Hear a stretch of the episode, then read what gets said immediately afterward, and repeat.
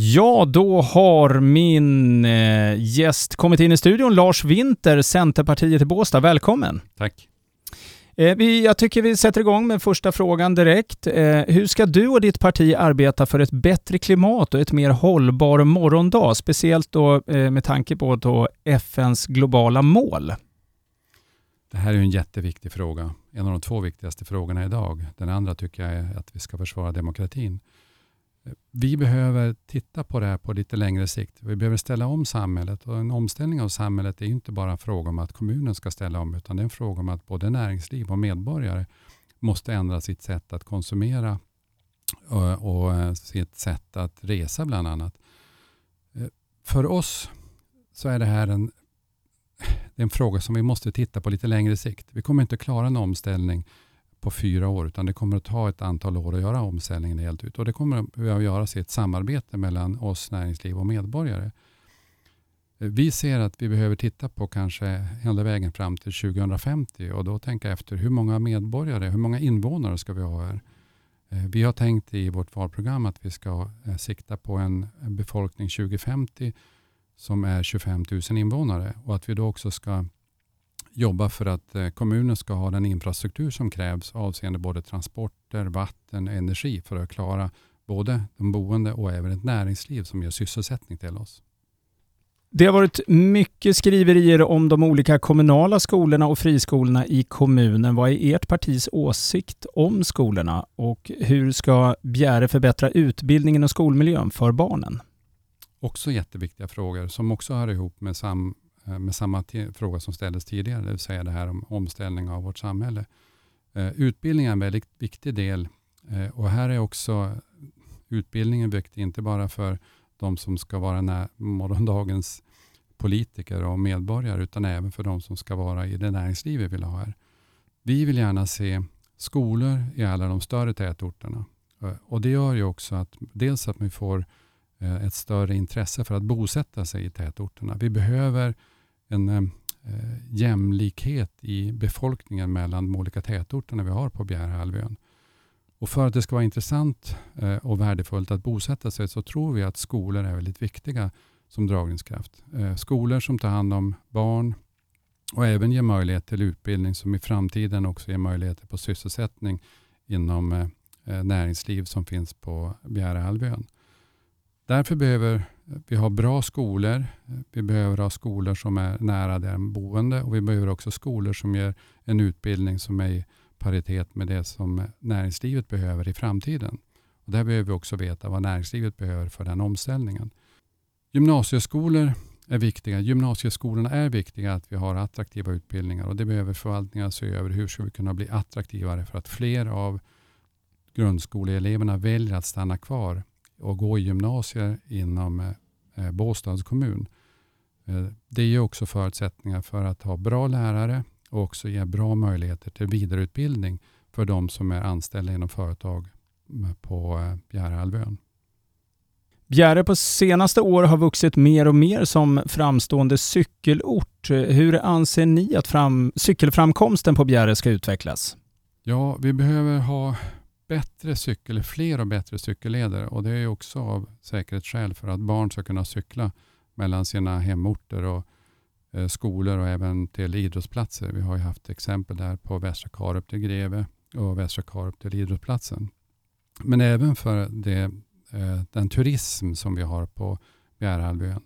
Ett bra eh, cykelalternativ eh, skapar ju också förutsättningar för att man inte behöver använda bil och det är ju mindre belastning på miljön och samtidigt som det också är ett intresse för de som vill se den natur utan att på så vis skräpa ner allt för mycket i våra områden. Alla kan inte jobba heltid, men många kunde jobba deltid. Hur kunde man göra det lättare för till exempel personer med intellektuell funktionsnedsättning att kombinera arbete och passion? Ja, det här är egentligen två frågor.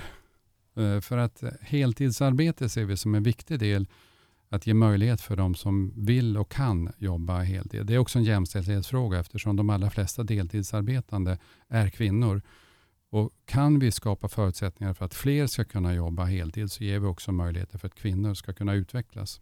Och Det är också en möjlighet för kvinnor som, som har behov och kan också lämna relationer som inte fungerar. Det är ju en annan fråga där vi måste skapa förutsättningar för, för kvinnor som har svårt att bli misshandlade i sina hem att kunna lämna relationerna. Heltidsarbete, att kunna sysselsätta sig själv är ju en viktig del i det här. Sen måste vi vidta andra åtgärder för det här är också någonting som inte ska finnas i vårt samhälle. Sen frågan kring funktionshandikappade, den är mer komplex. Eh, det är inte en, en enkel lösning utan där behöver vi se över eh, personliga lösningar för det är så olika förutsättningar för de som är funktionshandikappade eh, eller funktionshindrade att kunna ta tillvara på eh, sin dag och göra meningsfulla sysselsättningar. Och inte bara ett eh, arbete utan även en möjlighet att få en meningsfull fritid som också är ett problem.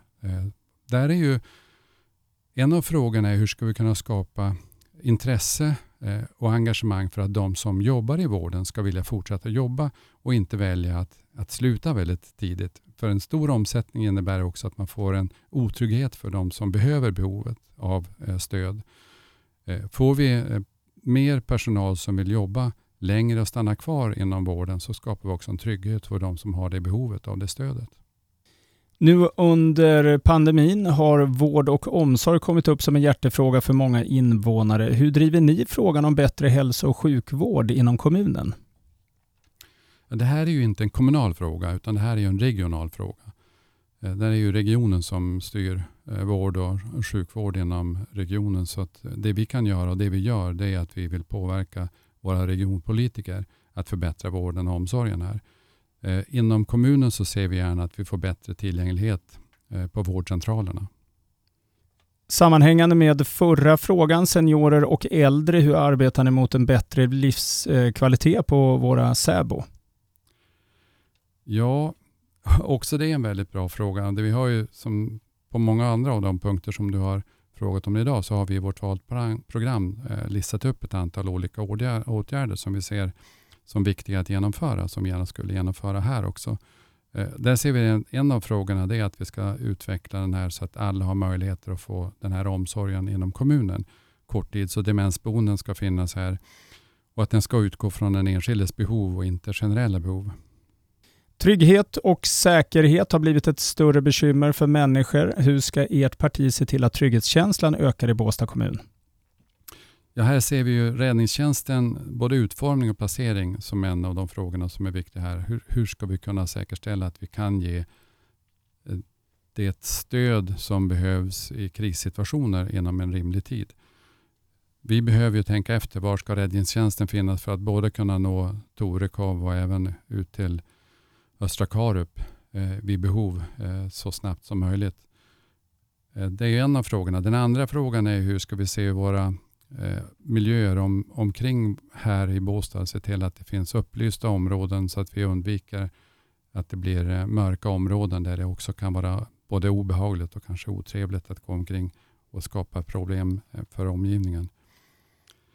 Jämställdhet är självklart också en fråga. Där jag kommer tillbaka till den här frågan om att ge möjligheter till eh, framförallt då kvinnor som är i destruktiva förhållanden att kunna lämna dem på ett rimligt sätt.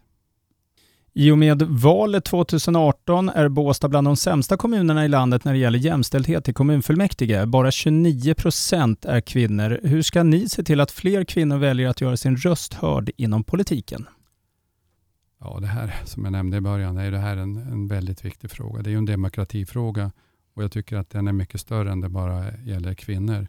Det gäller egentligen generellt att vi har ett alldeles för lågt engagemang bland våra medborgare i i de politiska rörelserna. Eh, det är många som, som har åsikter och det ser vi när vi tittar på Facebook, Instagram och så vidare. Det är många som har synpunkter på vad som görs och inte görs och uttrycker sig också gärna i väldigt eh, hårda ordalag. Eh, vi behöver fler som engagerar sig i politiken. Vi behöver fler som väljer att vara modiga och stå upp och föra fram sina röster i politisk, politiska rörelser istället för att sitta hemma och uttrycka sig tillsammans med sina vänner och bekanta. Du behövs i det här, alla behövs i det här. Det är inte fel att uttrycka åsikter, men om du uttrycker dina åsikter bara för dig själv, då får du aldrig någon som säger emot dig. Du, du behöver lyssna på andra också för att förstå de olika frågorna. Det är sällan saker är så enkla så att det är bara en enkel lösning. Det finns många aspekter på de frågor som vi haft uppe redan idag. Och Ska vi hitta en bra lösning så måste vi våga föra fram våra åsikter och lyssna på andras för att hitta det som kanske är det bästa för de flesta, vilket då är den eh, demokratiska principen. Kvinnor har det extra svårt eh, att eh, engagera sig och framförallt så är det fortfarande så att det är kvinnor som tar det större arbetet med barn och familj. Eh, och Det gör ju också att kvinnor kanske har ännu svårare än vad män har i småbarnsåldern att välja att delta i politiska processer. För att kunna underlätta det måste vi se om det finns andra åtgärder vi kan göra. Kanske högre ersättningar för det politiska arbetet men kanske även att vi också måste se över och ge andra typer av stöd. Exempelvis barnpassning för att kunna delta i de här politiska processerna. Alla behövs. Enligt tidningen Fokus lista Bäst kommun att leva i hamnade Båstad år 2020 på plats 44 och år 2021 hamnar Båstad på plats 128. Hur eh, förklarar ni detta? Ja, det här kan inte vi förklara. Vi har inte sett underlagen så det, det är svårt att förklara det här. Eh, jag kan ju själv inte förstå det eftersom jag har flyttat hit för två och ett halvt år sedan och tycker att Båstad är bland de bästa kommunerna att bo i. Så eh, det, det får jag nog passa på och säga vad det är. Kanske har pandemin påverkat det här också.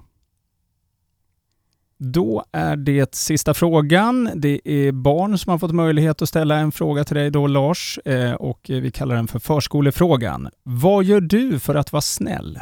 Alltså, det tycker jag sett den här frågan. Jag tycker det är en jättebra fråga. Och det här är ju någonting som man behöver tänka efter. Jag brukar tänka efter ibland när jag har möten och träffar andra. Att, eh, hur kan jag, när jag möter andra, ge mer energi än jag tar? Det vill säga försöka vara glad och le, gärna när jag möter människor är ute och promenerar, säger hej och, och ler lite grann. Och sen brukar jag också jag försöka vara en god vän och det är ju lätt, det säger de allra flesta att man vill vara. Men jag går faktiskt, när jag promenerar så går jag faktiskt och böjer mig ner och plockar upp framförallt plastskräp som jag brukar ta med mig och, och lägga i papperskorgar. Det tycker jag är ett sätt att vara snäll mot naturen också. Tack Lars Winter, Centerpartiet i Båstad.